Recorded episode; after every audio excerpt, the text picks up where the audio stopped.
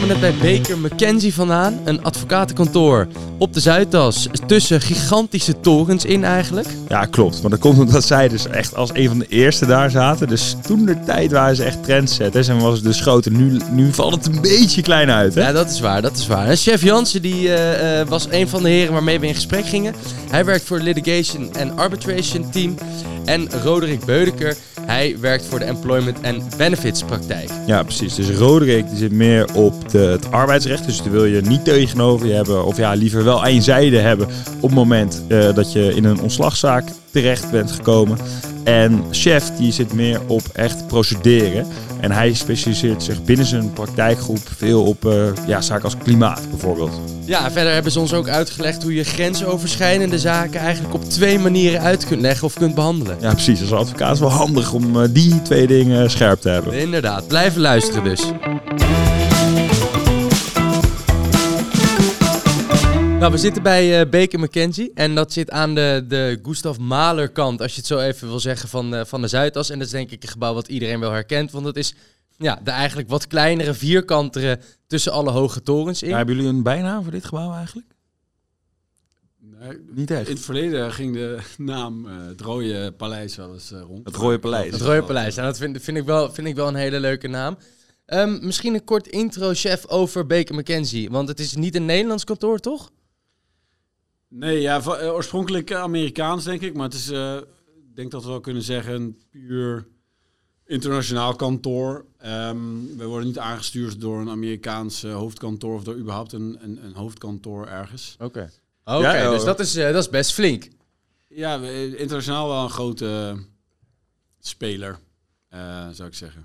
En dat houdt ook in dat jullie eigenlijk alleen maar internationale uh, klanten of, of deals dergelijke doen? Of uh, is dat wel dan echt in de, op Nederland gefocust vanuit het Nederlandse office?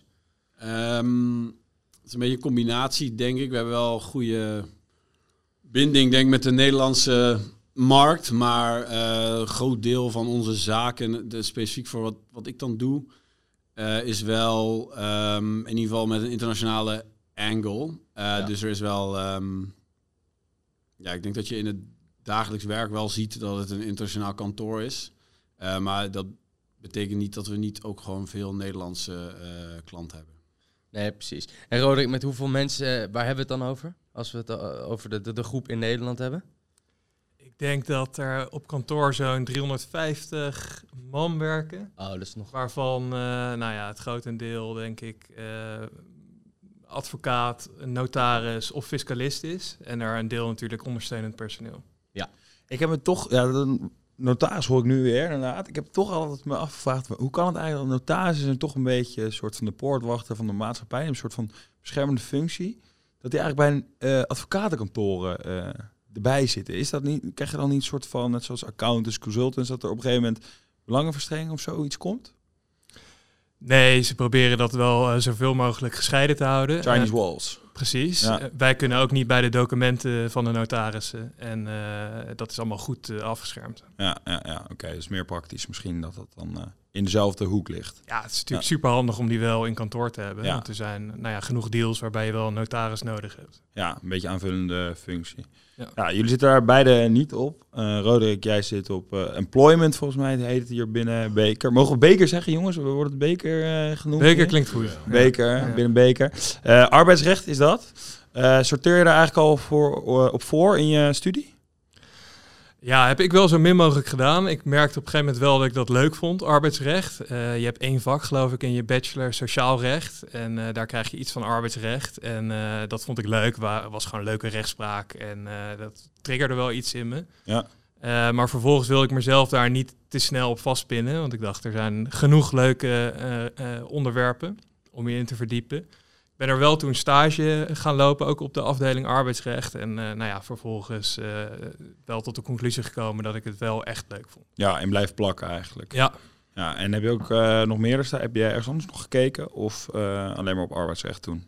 Nee, ook bij, bij banking, maar dat was eigenlijk al toen ik werkte. Dus ja. ik heb twee jaar banking en finance gewerkt. En nou ja, dat heeft mijn keuze wel eh vergemakkelijkt. Banking was nu. Nee, dat was voor mij eh, Waren het alleen de uren of eh, was het ook het soort werk wat je niks vond? ook het soort werk. En het zal ongetwijfeld, ik bedoel, er, er zijn genoeg leuke mensen die ik ken die, die zich hierin specialiseren. Dus er zullen absoluut leuke kanten aan zitten, maar ik heb ze niet gezien. Nee. Oké, dat is duidelijk verhaal. Wat vond je bij arbeidsrecht dan wel eigenlijk ja, de leuke zaken? Ja, het feit dat je veel meer je creativiteit kwijt kan. Ehm, de- Creativiteit. Ja, zeker. Je kijkt ook meer in, in je wetboek. Het is echt een beetje wat je, wat je ook tijdens je studie krijgt. Eh, en je probeert aan de hand van nou, de juridische regels eh, zo goed mogelijk je zaak eh, te beïnvloeden of te bepleiten. En die ruimte is er wat minder binnen banking en finance. In ieder geval, dat was mijn eh, ehm, conclusie. Ja, en arbeidsrecht is dan vooral, neem ik aan, werkgever, werknemer tegenover elkaar. Is het dan zo dat jullie met het grote beker dan vaak aan de kant van de werkgever zitten? Of? Ja, absoluut. Ja. Eh, zeker 95% eh, Ja. van de gevallen. We staan wel eens eh, bestuurders bij, bijvoorbeeld. Maar dat zijn echt uitzonderingen. Ja, En precies. is dat, is dat dan gewoon harde hand 30 man eruit knikkeren of nog meer? Of, of hoe, moet, hoe moet ik dat voor me zien? In wat voor geschillen kom je dan tegen? Nou ja, soms is dat wel eh, de vraag of aan de orde. Eh, maar mijn, eh, mijn ervaring is in ieder geval dat werkgevers altijd zoeken voor, eh, naar de menselijke oplossing. Ja. En dat juist grote bedrijven vaak eh, nou ja, heel redelijk zijn daarin.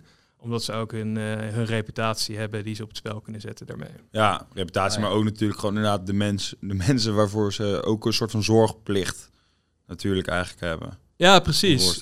Precies. En ehm, ja, ze, ze zorgen goed voor hun mensen en ze willen natuurlijk ook dat, dat die naam eh, in de markt eh, goed blijft, zodat er ook mensen gewoon weer blijven, eh, blijven komen, zowel werknemers als natuurlijk hun klanten. Ja, en creativiteit, ehm, zit het dan meer erin dat je dus samen naar een oplossing aan het zoek, op zoek bent in plaats van, ja, dit is het contract dat we hebben, dus zo lezen we het. Wat misschien in Amerika kan me voorstellen dat dat iets meer het geval is. Ja, het gebeurt allebei. Wat je als advocaat het liefst wil, is dat je al in een vroegtijdig stadium betrokken wordt, zodat je echt op strategisch niveau kan meedenken over, oké, hoe gaan we eh, bewerkstelligen eh, wat jij wil. Ja, Eh, maar het andere is ook waar, dat je heel vaak word je pas betrokken op een laat moment en krijg je een dossier op je bureau wat eigenlijk niet op te lossen is.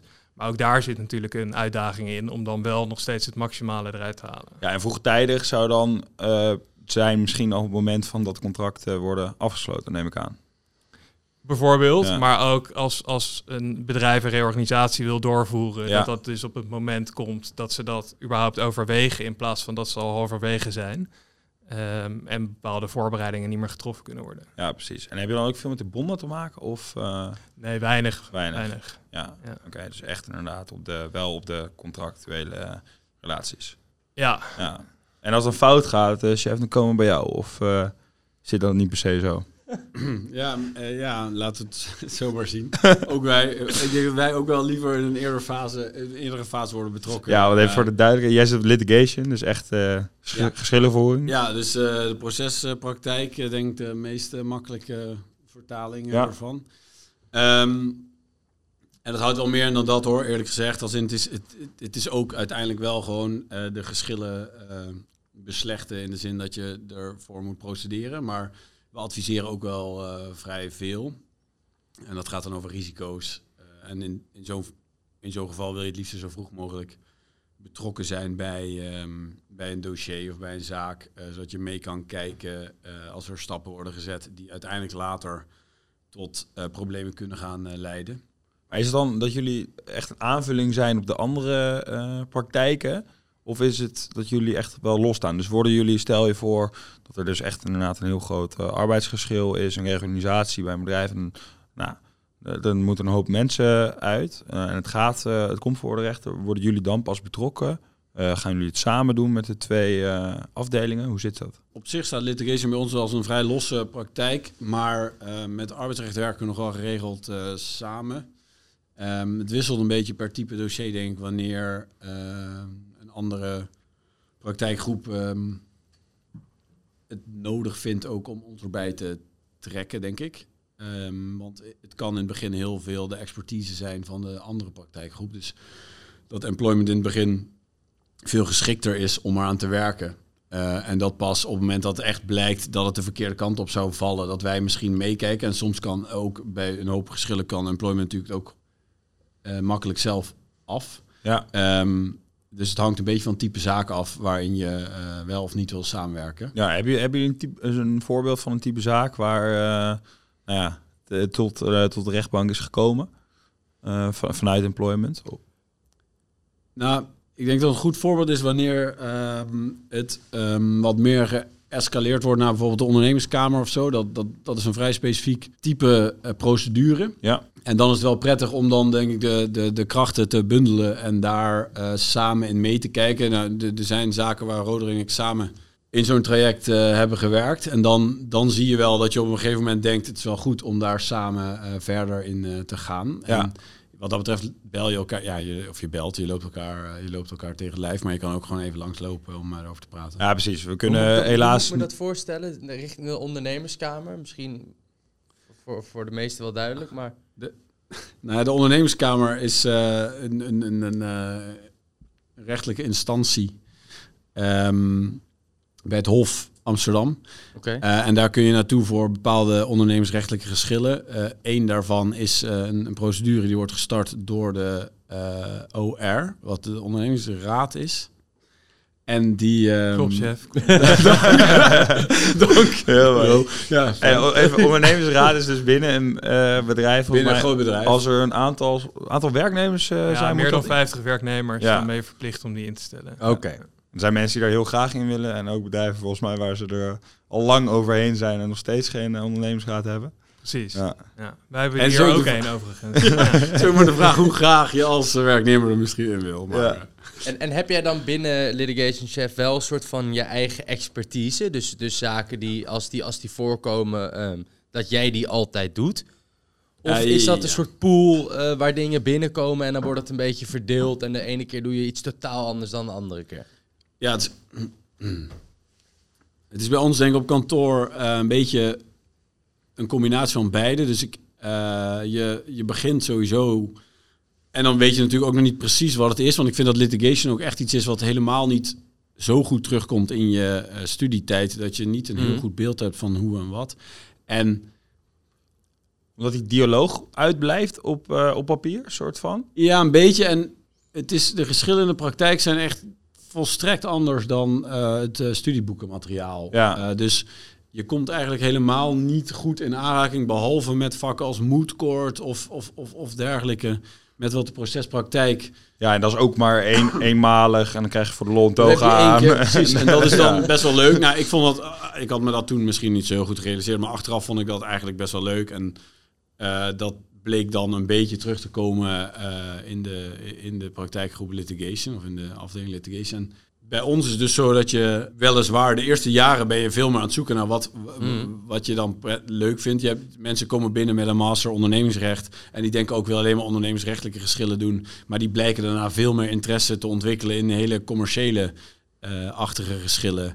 eh, Ja, of, of iets anders. En wij hebben dus een brede groep waarin je je wel ontwikkelt in een bepaalde specialisatie. En voor mij is dat een beetje competition litigation, eh, class action eh, hoek. Ehm, ook al eh, climate gerelateerde onderwerpen. Ja, want het is niet zo dat daar dan binnen litigation nog een aparte nou, groep voor is. Maar het is Nee, meer persoonlijk waar je ja, je op door aan het ontwikkelen Het bent. heeft een beetje een natuurlijke structuur Ja. onder de partners. ehm, en daar sorteer je dan een beetje in voor, als het ware. Dat, dat, dat gaat, vind ik vrij natuurlijk. Ja.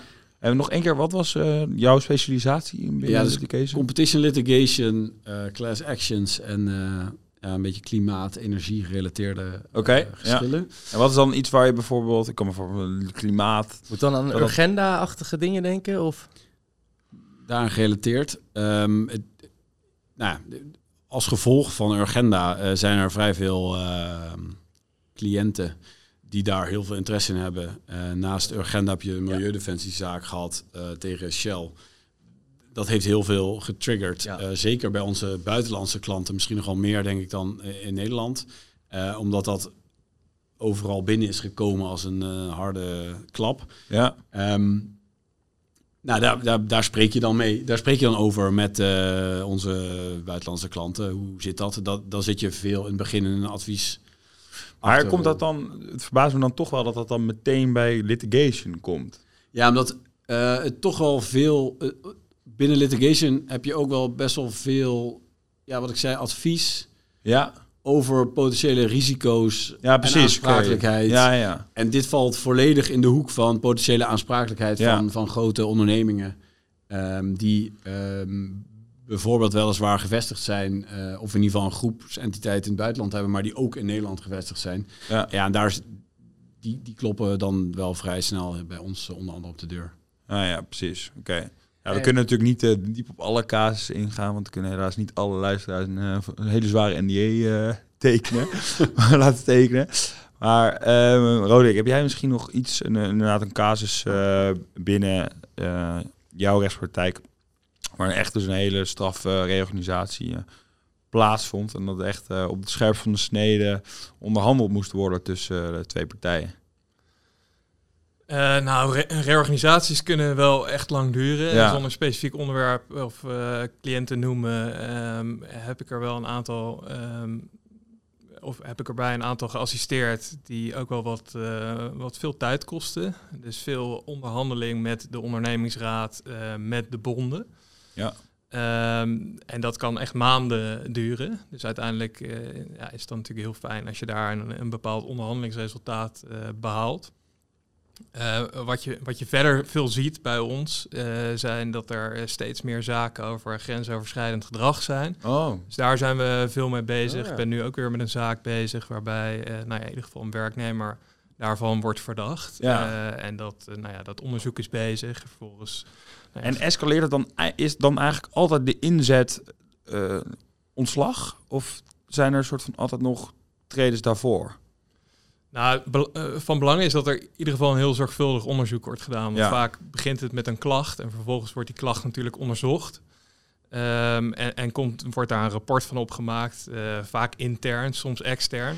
Ja. En aan de hand van die, eh, van die bevindingen worden dan eh, conclusies getrokken, vaak met behulp van eh, ja, externe counsel. Ja, best wel kan- delicaat kan. allemaal. Ja, precies. Dat kan ontslag zijn, maar dat, kun, dat, dat zou ook een waarschuwing kunnen zijn. Of, of misschien doen ze er wel helemaal niks mee. Ja.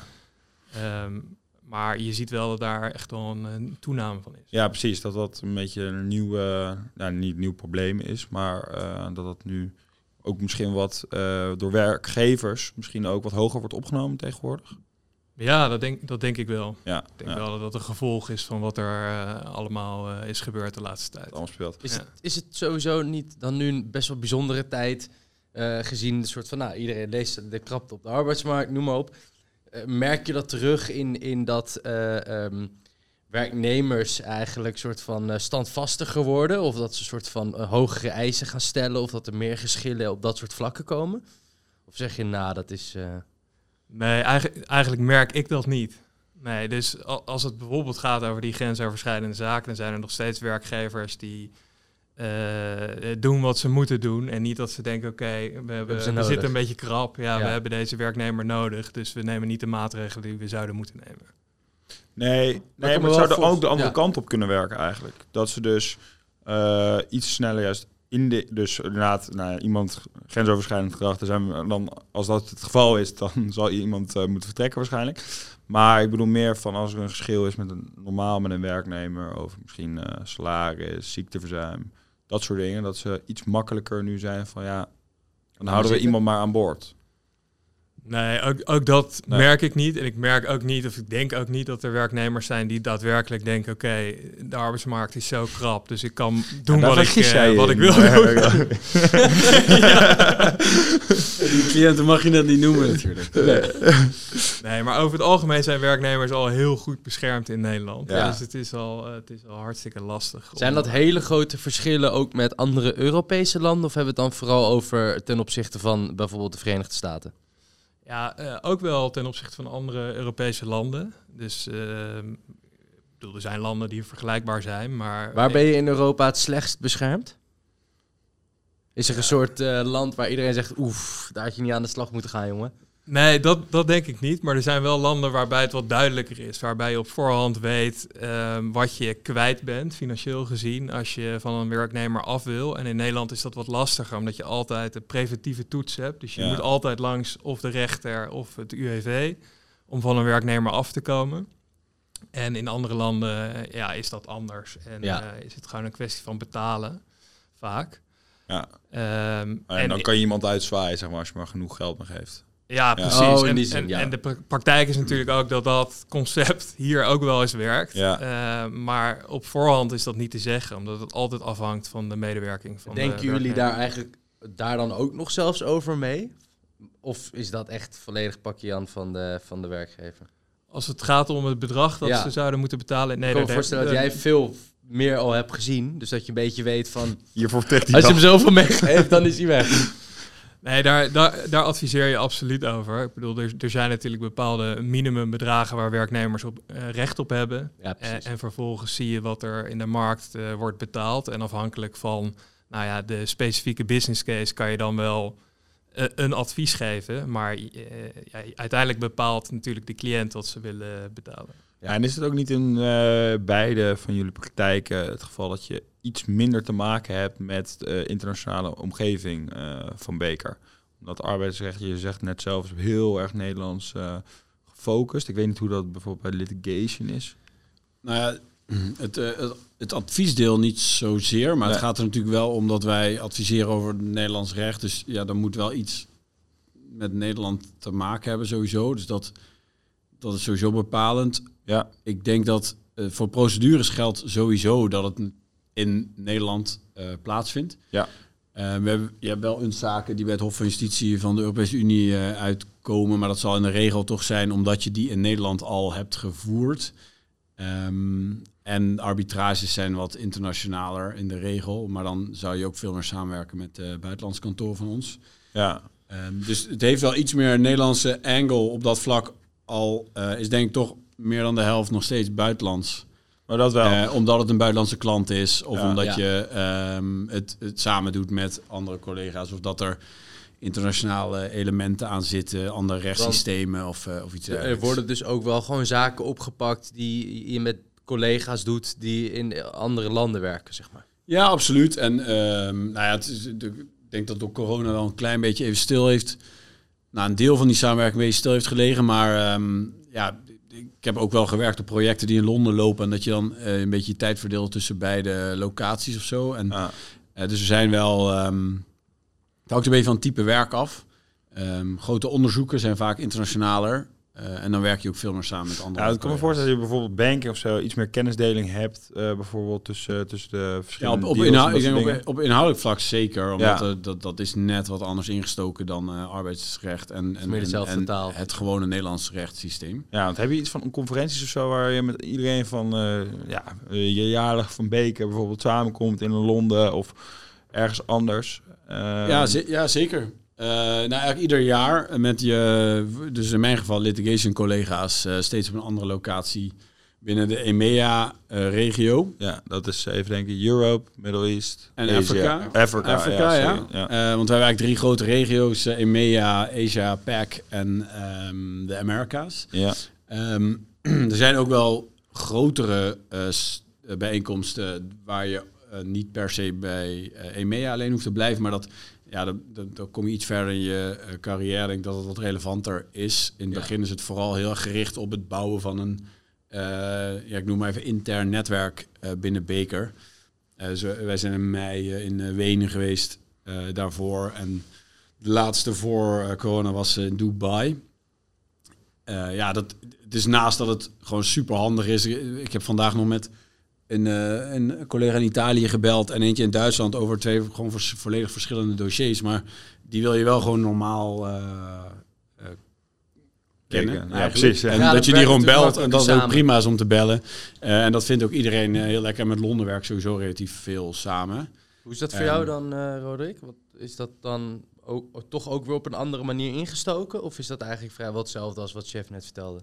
Ja, het is wel redelijk vergelijkbaar. Eh, we hebben veel Amerikaanse cliënten. Ehm, wat betekent dat je ook automatisch wat, wat vaker schakelt met Amerikaanse collega's. Oké. Verder heb je ook heel veel cliënten die hier een hoofdkantoor hebben en bijvoorbeeld één arbeidsrechtelijke vraag hebben, maar die vraag eh, voor ieder, iedere vestiging in Europa of bijvoorbeeld EMEA hebben. Dus wat je dan doet is dat je die vraag uitzet eh, bij collega's binnen de verschillende Europese landen en dat je dat in één keer terugkoppelt Ja. eh, aan de cliënt. Dus dat is iets eh, wat natuurlijk speelt. En je hebt bepaalde zaken die gewoon daadwerkelijk grensoverschrijdend zijn. Dus als er een werknemer misschien ergens anders woont, maar hier werkt. Of Ja, eh, van ander de soort ene- grensoverschrijdend hebben precies. nu over. ja. Ah, ja, dan even voor de duidelijkheid, voor de Ja. luisteraars Ja. die even eh, niet op staan te letten. Nee, precies. Alright. Oké, En dan, eh, wat, wat voor jullie is het natuurlijk al enige tijd geleden. Dan wil ik niet meteen zeggen dat jullie oud zijn. Maar voor Maar de insinueert het wel een beetje. Insinueert het wel, Ehm, oh, Het is een voor- beetje voor de- echt advocaat weer, hè? tussen de regels door is dat Precies, allemaal, voor, de, Ja. voor degene die hier nog moet starten of die hier net gestart is. Eh, ehm, eh, ik kan me voorstellen is er, dat er een soort opleidingsprogramma is natuurlijk. Ehm, zijn er dingen die, die je eventueel wil meegeven aan zo'n student die luistert? Dat je zegt van nou weet je, dit, dit is sowieso iets wat ik je kan aanraden om te doen. Of, Ik zou eigenlijk altijd kiezen voor stages. Dat geldt niet alleen voor ons kantoor overigens. Ik zou, Ja. Dat is toch de beste manier om eh, een kantoor een beetje te leren kennen. en zijn er ook laagdrempeligere vormen daarvan? Dus, eh, Business course bijvoorbeeld. Oké. eh, we ook. de, en die, ge- die, die geven jullie dan natuurlijk zelf. En dan is het als student een mogelijkheid om je aan te melden. En dan eventueel daarna stage in te koppen. Ja, Als je als je, gedaan. als je excelleert tijdens een business Sowieso. Eh, nou, we hebben een business course die gaat naar Madrid eh, voor een paar dagen. eh, meestal. Volgens mij de laatste zijn Roderick samen nog. Of was die daarvoor denk ik mee geweest? Ja, we zijn al twee jaar niet geweest volgens mij. Ja, dus Hadden we- stilgelegd begint weer nu. Zullen we de volgende keer opnemen bij een business course dan? Ja, ja, Ik vind het ook gek dat we het hier doen. Razende reporters zijn. Ja, precies. Kijk, en dan stel je wordt aangenomen. Eh, ik denk dat sollicitatie even, dat moet een black box blijven. hè. Dat moet eh, spannend blijven. Daar kunnen we niet te veel over eh, vertellen. Nee, en dat, is, dat zie je natuurlijk ook om op de website staan, eh, wat, wat je daar precies voor moet doen, denk ik. Ja. Uh, Eh, je website hebben we toch. eh, Roderick, je had het net over, je hebt ook op bank gezeten. Was het ook binnen Beker? Nee, bij ANO. Oh, dat was... eh Ja, eerder eh, advocatenkantoor. Kijk, Ja. en ehm, eh, is het zo bij jullie, dat hebben we bij veel advocatenkantoren gehoord, dat er in eerste instantie een, eh, ja, een switch plaatsvindt in de eerste paar jaar? Ja, dat is hier niet. Dat is Dus hier niet. eh, solliciteer je echt voor een afdeling Direct. en daar blijf je je, je, ja, je eerste drie jaar zitten. Ja, is het mogelijk om wel te switchen of dat wordt gewoon... Volgens mij is het wel eens gebeurd. Dus het is, het is mogelijk, maar Ja. het, is, het is niet de regel en niet de bedoeling. Volgens mij. Nee, precies. En je had het erover eerst drie jaar. Wat gebeurt er daarna? Je zei, eh, de eerste drie jaar blijf je zitten. Daarna blijf je ook zitten. Oh, ja. Als je, het goed, doet- als je het goed hebt gedaan in de eerste drie jaar natuurlijk. ja, precies. Maar over het dat is, algemeen eh, wordt er zo aangenomen dat je ook kunt blijven. Of, Ja, zeker. Ja. Ja. we, we, we, we nemen niet eh, een hele bak eh, stagiairs aan met het idee om daar dan een soort schifting in te maken. Nee. wel, ook omdat we die wissel niet hebben, is het idee wel echt dat we dedicated aannemen op de plekken die we hebben eh, binnen de afdelingen. en ehm, ik kan me ook voorstellen dat je dan na drie of vier jaar denkt van... hé, hey, ik wil een keer wat anders. Is er dan wel mogelijkheid binnen Beken om, eh, nou, wellicht met een klein beetje omscholing... eh, toch bij een, ander, bij een ander mee te kijken, bij een ander stuk? Of ehm, is dat niet echt gewoon van zaken? Het kan op zich wel. En we, binnen mijn afdeling is het ook op zich wel gebeurd. Ehm, het is ook wel nuttig, vind ik, voor litigation op zich dat je wat ervaring hebt in een andere hoek, omdat het toch Ja. veel raakvlak heeft met allerlei verschillende eh, onderwerpen. Dus we hebben het wel. Ehm, Maar misschien meer binnen die specialismen waar je het over had. ja, bijvoorbeeld. eh, Wat je ook wel ziet is dat je na een paar jaar eh, of op eh, ja, een ATP noemen we dat, naar het buitenland gaat. Dus ik, ik ben zelf ook naar Londen gegaan. Ah, oké. Ehm, of naar, op seconden bij een klant zou ook nog eventueel kunnen. Dus er zijn wel op die manier zijn er allerlei andere mogelijkheden. ja, wat zijn die twee dingen? Dus ATP had je het over? ATP is dat je een paar maanden, eh, of vanaf een paar maanden tot eh Ja. nou, sommigen zelfs misschien twee jaar of zo, Oh, oké. eh, naar eh, een ander kantoor van ons gaan of gaat in het buitenland. Genoeg keuze in ieder geval. Dus keuze zat, ja, meer, dan, meer, dan zeven, meer dan 70 kantoren, heb ik begrepen. Pak het blaadje er nog maar even bij. Ja, we zitten toch moet wel een zeggen. beetje, want, moet wel een eh, beetje passen in je praktijk. ja, hoor. Dus voor mij lag Londen heel erg... eh, eh, was heel logisch.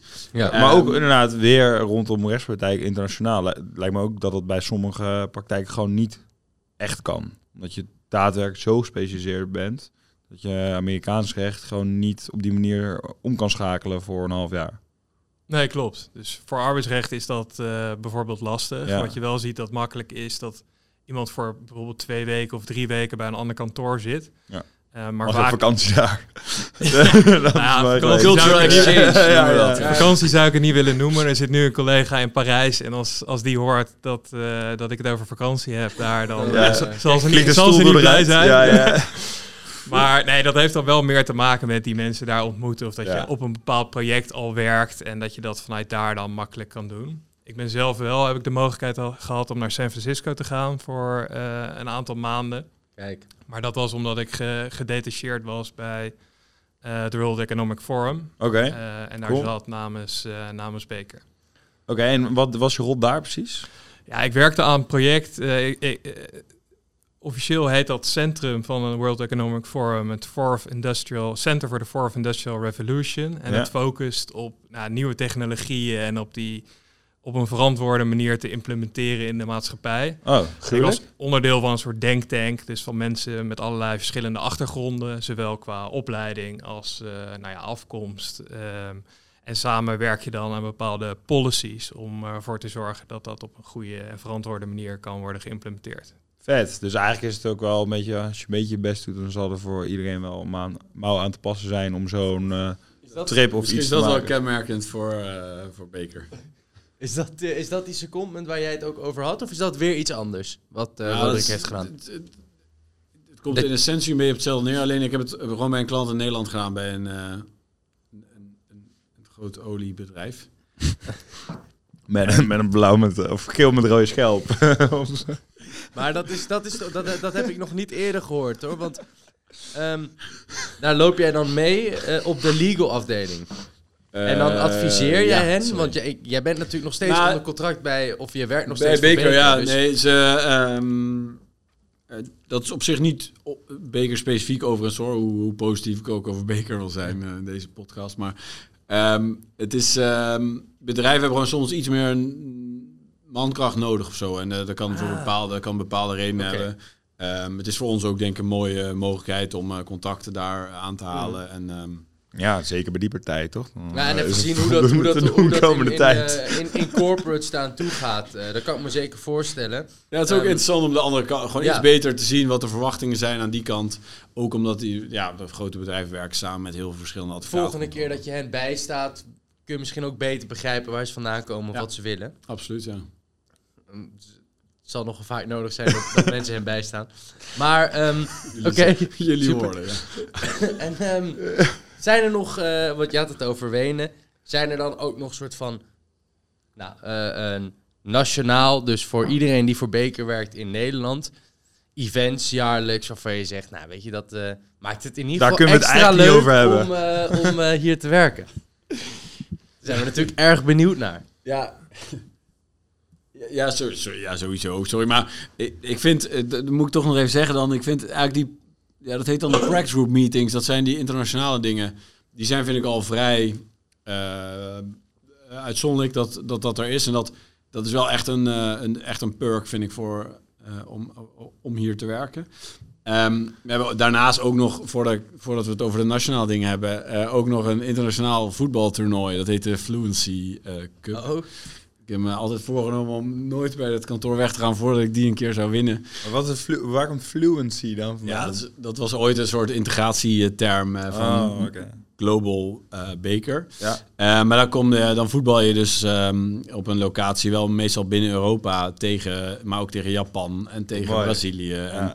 Eh, Amerika, Mexico, eh, Canada. Het is echt, eh, echt een waanzinnig eh, voetbaltoernooi. Kantoor tegen kantoor. Ja, en Je- dan, je- en wij- je wij- zit gaan er meestal nog, met dus je hebt twee nog niet mannen- en gewonnen. vrouwenteams. eh. nee, ja, de laatste keer dat we, het laatste jaar voor eh, corona, geloof ik, eh, zijn we een halve finale uitgeschakeld door Mexico. eh. Maar dan gaat iedereen, wat is het dan, EK88 tenue aan en eh Ja, ervoor wij hebben een, eh, ja, we hebben een- gewoon een Nederlands elftal eh Oh, sowieso. Kit, ja. Eh, die Mexicanen die hebben vaak zo'n Mexicaans worstelmasker op aan het begin. Ja, oh ja. Dus het is- Zo heeft ieder land natuurlijk het dan wordt wel intens, ja. Wordt goed aangepakt. Ja, maar dat is wel eh, een mooi internationaal event nog. En daarnaast, ja, wat doen we, Roderick? Ja. Ja, zomer- en winterfeest. Toevallig donderdag hebben wij ons zomerfeest. Ja. Eh, wordt ergens op een boot gegeven. Verder eh, heb ik me nog niet echt daarin verdiept. Maar dat zijn wel, dat zijn wel altijd hele leuke feestjes. Ja, mooi, mooi, mooi. Ja, Op dat is skivakantie gaan we natuurlijk nog... eh, merkelijk dat de luisteraars eh, daar erg op aanslaan. als Zeker, zeker. Als we dat niet noemen, dan... Eh, Anders denken ze, oh, waarom zijn niet... ja, ja, maar dat zijn gasten daar, Dan wil ik, nog, wil ik nog wel even weten van, is er nou, eh, als je naar Beker kijkt, en dat hoeft dan niet alleen in Nederland te zijn, maar misschien ook internationaal, is er één soort van eh, eh, praktijkgroep of, of soort expertisegebied waarvan men wereldwijd of dan in Nederland zegt, ja, daarvoor moet je hen hebben. Ja, of misschien zelfs, je- chef, je had het er net over van eh, als je hier misschien maar hard genoeg eh, schreeuwt. Eh, of in ieder geval eh, zorgt dat je ergens je best voor doet, dan, dan, kan, dan is alles wel mogelijk. Daar spreekt misschien iets van eh, mentaliteit uit. Dat, is dat sprekend voor Beker? Ja, nou, ik, ik denk dat het een beetje combinaties van twee dingen eigenlijk. Ehm, ja, het er van tevoren al even over, maar ik vind dat het soms niet helemaal makkelijk om de alle grote kantoren van elkaar misschien te onderscheiden.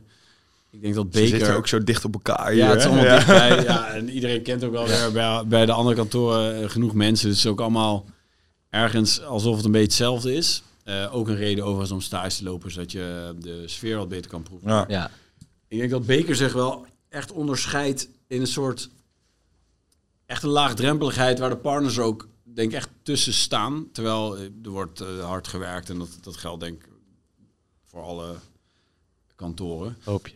Ehm, vermoedelijk. En ehm, dat is bij ons natuurlijk ook zo. Ehm, maar naast het hele internationale verhaal dat we net hebben besproken, is het denk ik echt een hele ontspannen sfeer die eh, er binnen, binnen de muren eh, heerst. In combinatie met dat, dat harde werken. Ik moet zeggen, ik kwam hier inderdaad, inderdaad ook binnen. En vanaf de receptie tot waren... Ik ben wel vier, vijf man tegengekomen. En iedereen maakte wel meteen even een praatje. Dat Ja, was dat wel even eh, lach om te zien. Komt er natuurlijk ook wel omdat wij er niet uitzien als advocaten als hier binnenkomen. Waarschijnlijk. Maar als, Dat wel als duur zou jullie als, zouden het hier als, zo, je eh, hier zo kunnen doen. als cliënten, zo zien wij eruit ja, natuurlijk. Daarom werden we met tien man ontvangen. Ja. Voel alsof je een pakketje kon bezorgen. Nee, chef stond boven aan de trap te klappen, maar... hey Roderick, is, jij, is er iets wat jij nog wil meegeven? Misschien terugkijkend op je eigen studententijd of, eh, of je, de keuze die jij destijds hebt moeten maken? Of zeg je, joh, Als, het, als het nu niet duidelijk is. Nee, ja, tuurlijk. Stage lopen is hartstikke nuttig. Dus dat is aan te raden. Ja, oriënteer je goed. Eh, kijk eh, waar je je een beetje je goed voelt. Hè, ga misschien ook niet al te specifiek, maar houd nog een beetje breed? Wat jij Ja. destijds bewust hebt gedaan? Ja, dat denk ik wel, precies. Specialiseer je niet te vroeg. Maar als het gaat puur om kan, eh, kantoorkeuze, Ja. ja. ja, kijk dan eh, wat voor mensen werken waar. Want ik denk dat daar nog wel wat verschillen zitten. Ik bedoel, qua concept is het inderdaad vrij wel hetzelfde. Als je ge- gewoon kijkt naar, nou, is een kantoor internationaal, is het groot? eh, Precies. Je, dan kom je al snel eh, op dezelfde soort, soort zaken en werk. Eh, maar je werkt gewoon heel veel samen met de mensen hier. Eh, die zie je vaak eh, vaker dan je, je vriend of vriendin. Dus daar moet het wel mee klikken. Dus dat is denk ik belangrijk, dat je dat eh, voor jezelf onderzoekt. Nou, lijkt me een hele mooie afsluiter. Zeker. Heren, dankjewel uh, voor, het, voor het bezoek en de, en de uitleg. En um, nou, dat was, uh, was weer een mooie aflevering. Dankjewel jongens.